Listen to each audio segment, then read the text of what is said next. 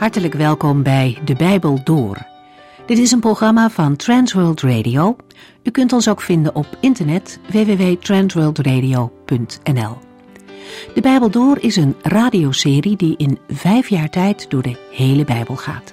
Van Genesis tot Openbaring, van kaft tot kaft.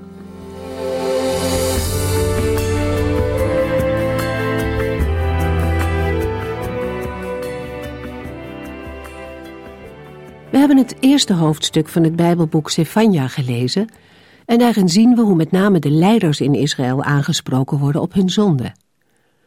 Allerlei heidense gewoontes zijn binnengeslopen en normaal geworden in Juda. En met de komst van afgoden wordt de afstand tussen het volk en de Here steeds groter.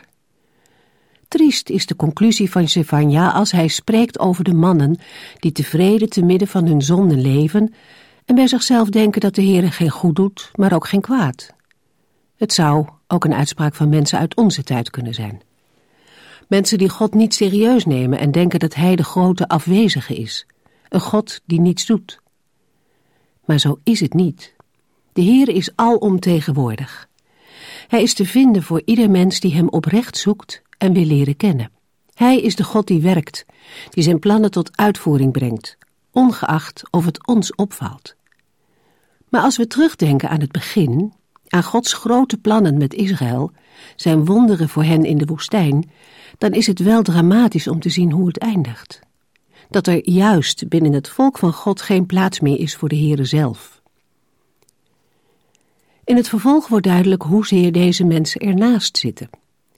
De profeet beschrijft de dag van de Heere. Onvoorstelbaar zijn de verschrikkingen en angsten waar gelovigen dan mee te maken krijgen. En nergens is er een plaats om eraan te ontkomen. Alles wat zo belangrijk voor de mensen was en waarmee men zich zeker voelde, blijkt waardeloos te zijn. Sefania waarschuwt dat deze dag snel komt. Een eerste vervulling daarvan is geweest, maar de volle uitwerking van deze profetie komt nog. Hoe snel, dat weten we niet. Zeker is wel dat de grote dag van de Heere zal komen. In zijn genade doet de Heere dat echter niet zonder te waarschuwen. Voor het oordeel komt, geeft hij tijd aan de mensen om zich te bekeren, om gered te worden. We lezen hier meer over in de eerste verse van Sefania, hoofdstuk 2.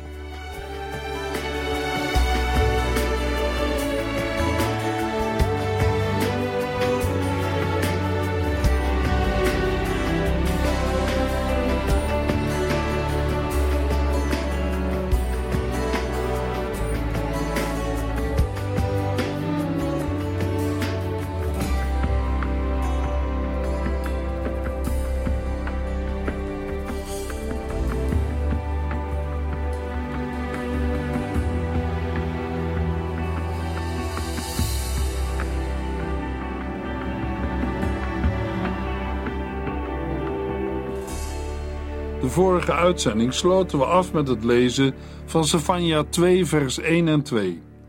Daar willen we deze uitzending mee beginnen.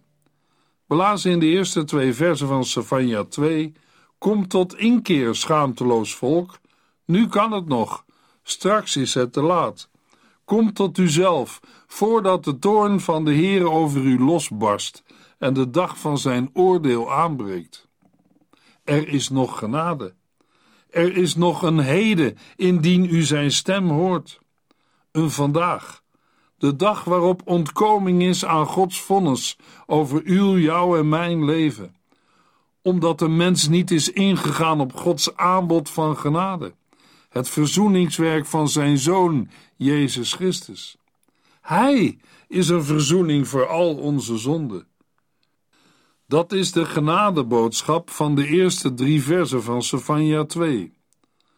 Maar voor alle duidelijkheid, vergis u niet.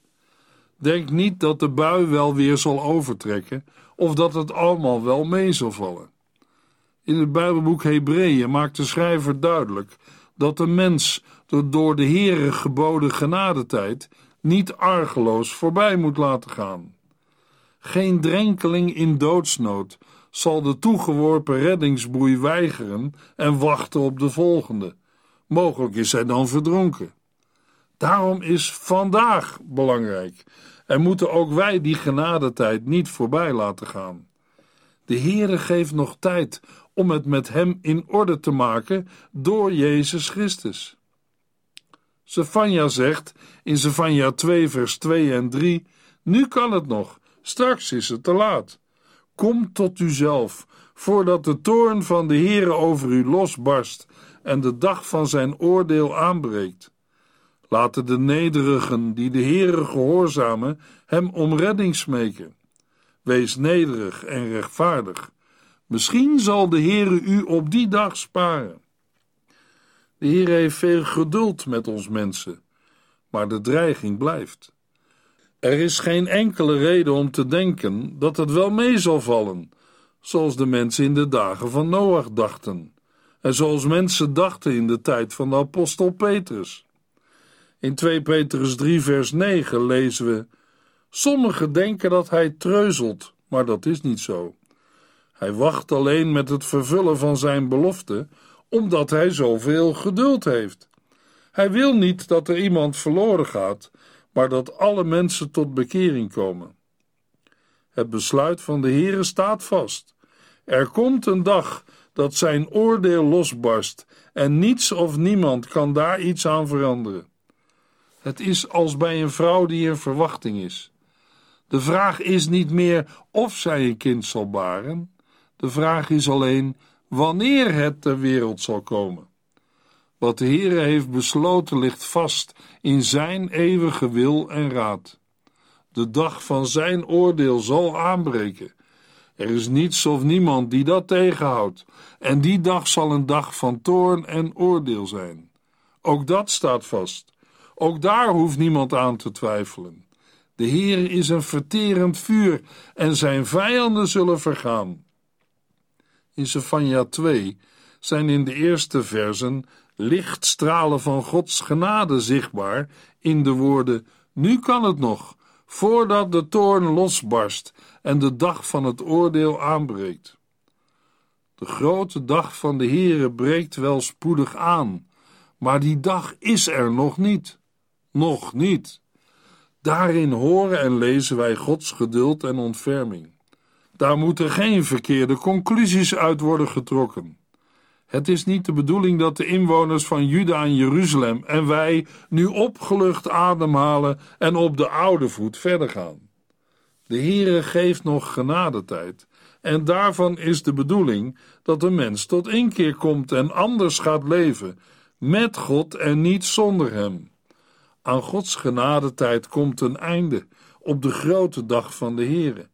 Daarom kan een keuze voor de Heere geen uitstel meer leiden. Wat moeten de hoorders van Savanja doen? Wat moet ieder mens doen? Dat lezen we al in vers 1 en 2a. Kom tot inkeer, schaamteloos volk. Nu kan het nog, straks is het te laat. In een andere Bijbelvertaling lezen we: Kom tot uzelf, ja, kom tot inkeer, gij schaamteloos volk, voordat het besluit tot uitvoering komt. Als kaf gaat een dag voorbij, voordat over u komt de brandende toorn des Heren, voordat over u komt de dag van de toorn des Heren. De mensen in Juda en Jeruzalem waren ervan overtuigd dat de Heere zou komen met zijn oordeel tot de volken. Maar de Israëlieten zouden vrij uitgaan. Zij hadden de Heere en de tempel waar de Heere woonde. Maar wat een schok! In Sefania 2 spreekt de profeet hen aan met de woorden schaamteloos volk. Dat wil zeggen, niet in de zin van Gods volk, maar in de zin van een heidensvolk. Dat blijkt uit het Hebreeuwse woord dat voor schaamteloos volk wordt gebruikt. Sefania spreekt hen aan als heidenen. Maar ze zijn toch het volk van God? Ja, maar daar leefden zij niet naar. Zij leefden als niet-Joden en hadden zo hun eigen opvattingen over geloven en de praktijk van het leven. Aan de buitenkant lijkt het heel wat, maar van de binnenkant moet de Heere zeggen: zij leven tevreden te midden van hun zonde en bij zichzelf denken zij: de Heere doet geen goed, maar ook geen kwaad. In Openbaring 3 moet de Heere tegen nieuwtestamentische gelovigen zeggen: Ik ken uw doen en laten. Ik weet dat u niet koud en niet warm bent. Was u maar koud of warm. Maar nu u lauw bent, word ik misselijk van u. Ik zal u uitspugen. U zegt dat u rijk bent en niets tekort komt, maar u beseft niet dat u er geestelijk ellendig aan toe bent. U bent arm, blind en naakt. Het is te vergelijken met iemand die zegt van je te houden, maar uit alles blijkt dat het niet waar is. Als het zo met Gods volk, met gelovigen gesteld is, dan kan de Heer toch niet anders dan ingrijpen. Dan wint zijn liefde het van zijn brandende toren en zegt de Heere, nog niet. Die liefde van God is voor ons mensen niet te begrijpen.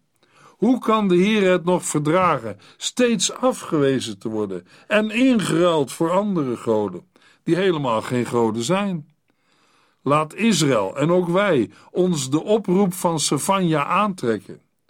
Horen wij bij de lauwe mensen in de kerk? Zijn wij lauwe mensen die het wel geloven, die niet koud worden van de prediking van het oordeel en niet warm worden van de genade van God in Christus?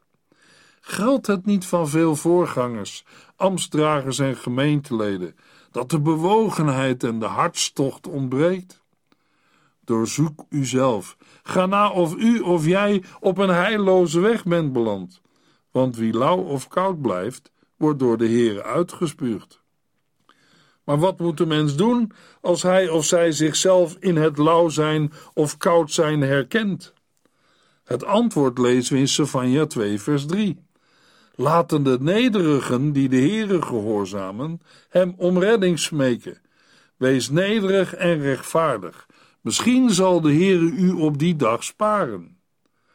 We kunnen ook zeggen: zoek de Heere. Dat is het enige, maar tegelijk het allesomvattende.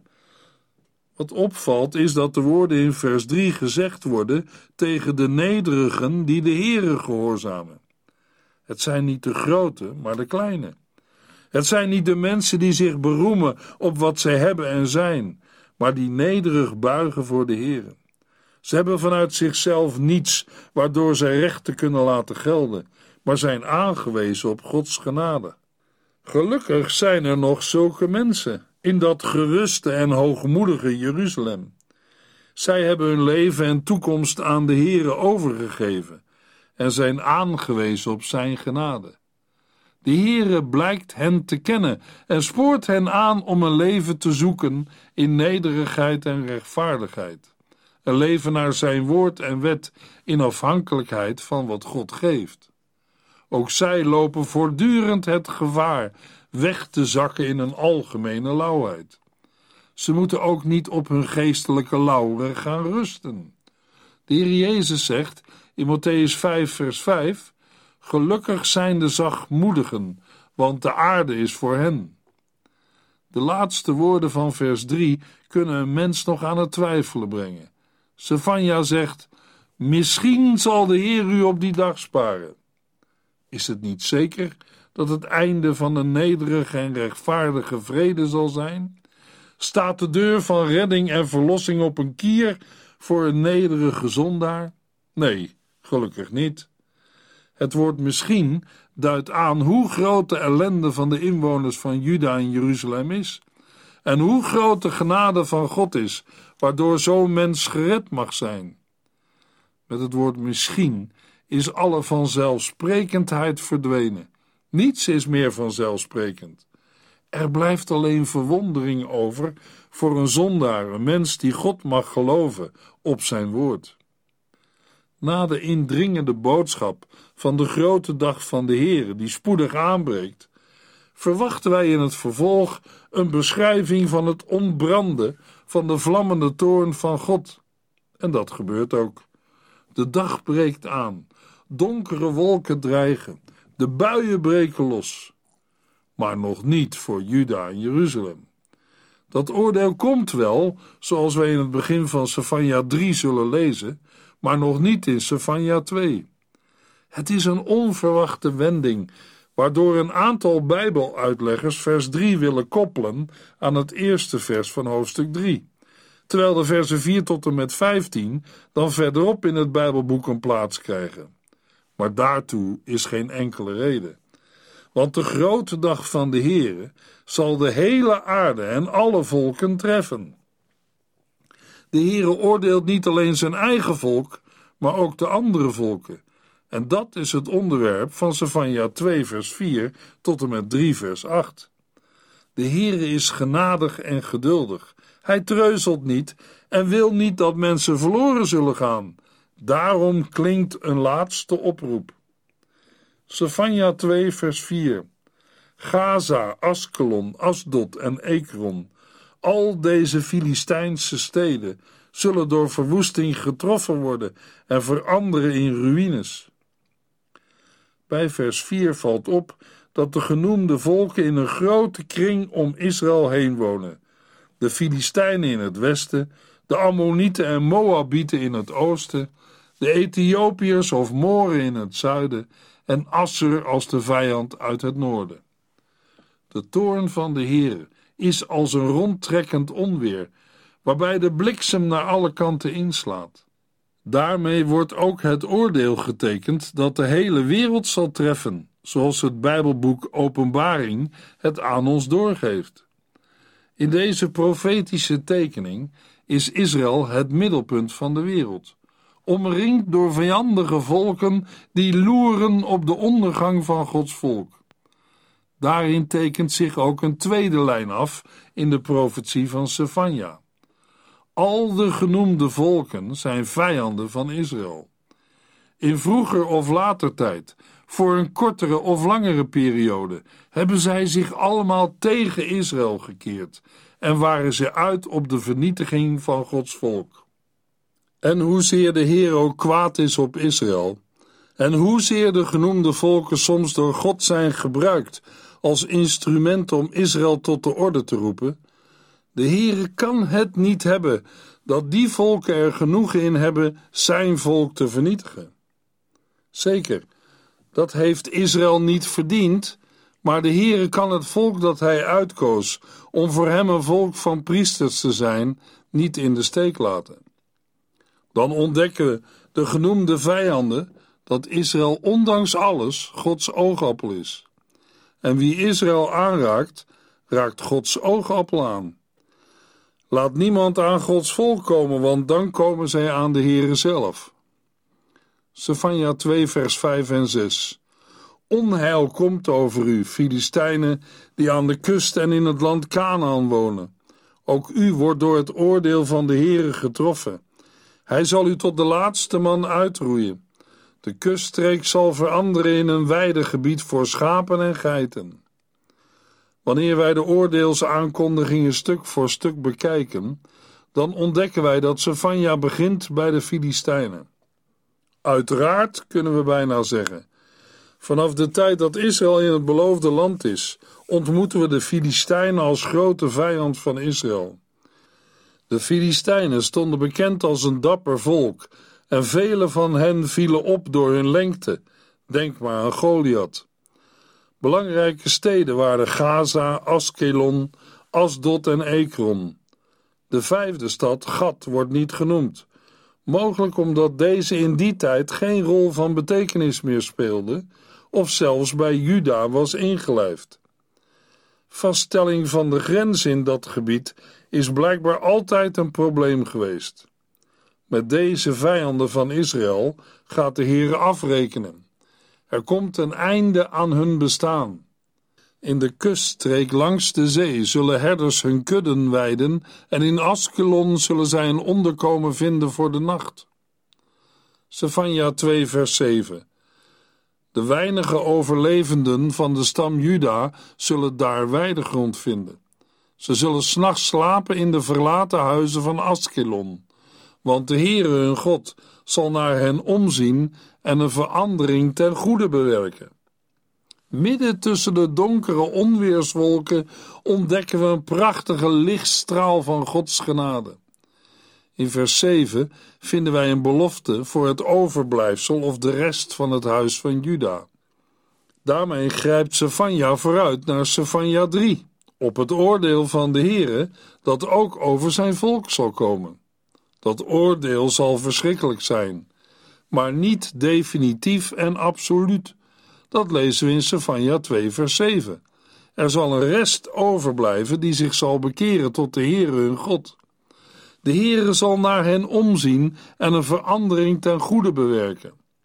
Een profetische uitdrukking die inhoudt dat de Heere een keer zal brengen in het lot van zijn volk en opnieuw in hun midden zal wonen.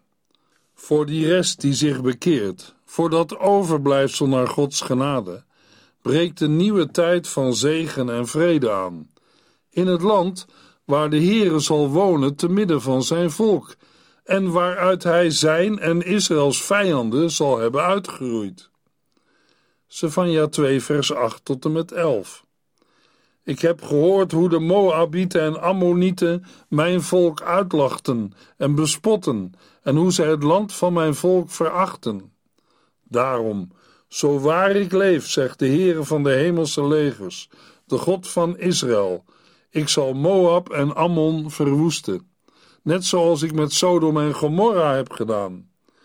Zij zullen voor eeuwig veranderen in een veld vol distels, in een zoutafgraving en in een woestenij. Wie van mijn volk zijn overgebleven, zullen hem plunderen en hun land in bezit nemen.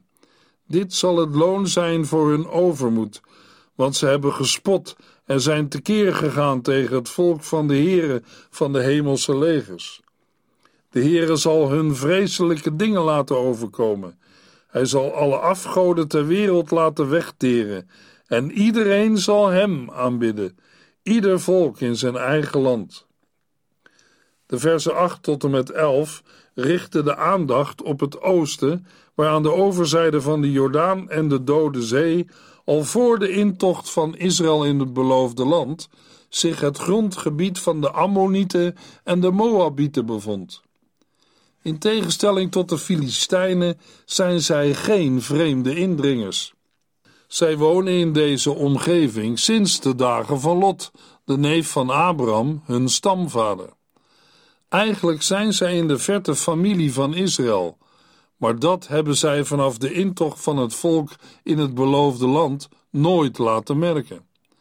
Integendeel, wie de Bijbelse geschiedenissen leest, hoort op een enkele uitzondering na voortdurend van vijandschap, verleiding tot zonde, leed, vermaak, als het Israël niet goed gaat, en gevechten om de grenzen. Merkt u dat er heel wat ontdekkend onderwijs zit in deze verse?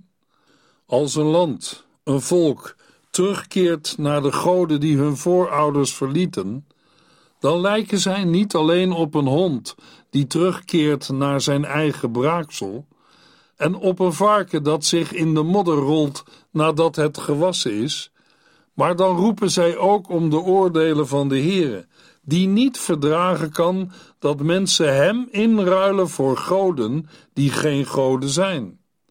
Best een punt om over na te denken. Sefania 2 vers 12 tot en met 15 Ook u, Ethiopiërs, zult door zijn zwaard worden geveld, en hetzelfde zal de landen in het noorden overkomen. Hij zal Assur vernietigen en zijn hoofdstad Nineveh veranderen in een wildernis, in een dorre woestijn. Deze stad zal weidegrond worden voor schapen en allerlei wilde dieren zullen daar hun holen hebben. Pelikanen en roerdompen zullen overnachten in de ruïnes. Hoor eens hoe zij krijsen door de kapotte vensters. Elk huis is een puinhoop en de cederhouten betimmering is totaal vernield. Dat is nu de stad die eens zo uitgelaten en onbezorgd was. Dat zijn de restanten van de stad die bij zichzelf zei: Ik ben de allergrootste stad ter wereld. Kijk eens wat een woestenij ze is geworden. Ze werd een plaats waar de wilde dieren wonen. Ieder die haar passeert zal haar bespotten en vol afschuw met de handen schudden. We gaan naar het zuiden. Eigenlijk zouden wij Egypte verwachten. Maar vers 12 spreekt over Ethiopiërs of Moren. In het Hebreeuws staat er de naam Kus, door ons vertaald met Ethiopië. Nu hoeft dat geen probleem te zijn, omdat wij al in een eerdere uitzending hebben gezien dat de Ethiopiërs in die tijd een tijd lang de baas zijn geweest in Egypte. Het zou kunnen dat we hier ook aan Egypte moeten denken. En anders zijn het de mensen die in de taal van de Bijbel de einden van de wereld bewonen, ver van God en zijn volk. De versen 13 tot en met 15 nemen ons mee naar het noorden. Daar woont Assur, daar ligt Nineveh. Deze vijand wordt het laatst genoemd. Maar het is niet de minste, zoals wij inmiddels uit andere profetenboeken hebben begrepen. Tot op de dag van vandaag is zichtbaar hoe grondig de Heere de genoemde steden heeft vernietigd. Waar mensen dachten een paradijs te stichten, maakte de Heere een woestijn, een stuk dor en dorstig land. Waar mensen dachten veilig te zijn en zekerheid te hebben, ziet Sefania in een profetisch vergezicht kudden grazen tussen ruïnes en hoort hij het sombere geluid van de roerdomp, het naargeestige gekras van een nachtuil en het huilen van de wind door de kapotte vensters van de verwoeste huizen. Huizen van waaruit alles wat van waarde is, is weggeroofd. Zo verdwijnt in deze wereld de roem van machtige koninkrijken en heersers. En juist bij dit laatste beeld zien wij hoe de geschiedenis zich door de eeuwen heen herhaalt. Zo zal het tenslotte ook gaan met de stad van de eindtijd. Zij zal zich tot de hemel verheffen en vervolgens in het dodenrijk neerstorten. En de vroegere overwinnaar wacht alleen een fluitconcert en een verachtelijk handgebaar. Toch zal gebeuren wat de Heere belooft in vers 7. De weinige overlevenden van de stam Juda zullen s'nachts slapen in de verlaten huizen van Askelon, want de Heere hun God zal naar hen omzien en een verandering ten goede bewerken. Maar daarover meer in de volgende uitzending.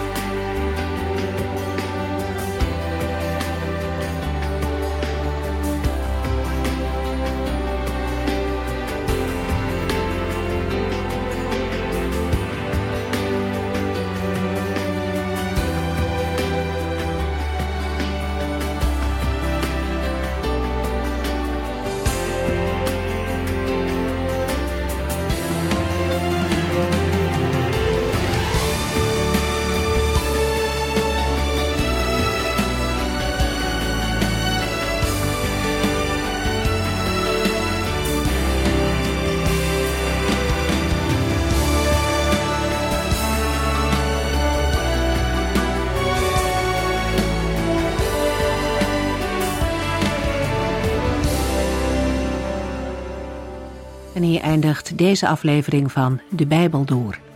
Een serie programma's van Transworld Radio. Wilt u ons iets vragen of meer weten? Dan kunt u altijd contact met ons opnemen. Bellen kan overdag met 0342 478432. Per post Transworld Radio. Postbus 371. Postcode 3770. Anton Johannes in Barneveld. En e-mailen kan ook. De Bijbel door at transworldradio.nl En natuurlijk ook via onze website transworldradio.nl Dit programma werd gepresenteerd door Cor Weda en Ike André. En namens iedereen die er nog meer aan meegewerkt heeft, graag tot de volgende keer.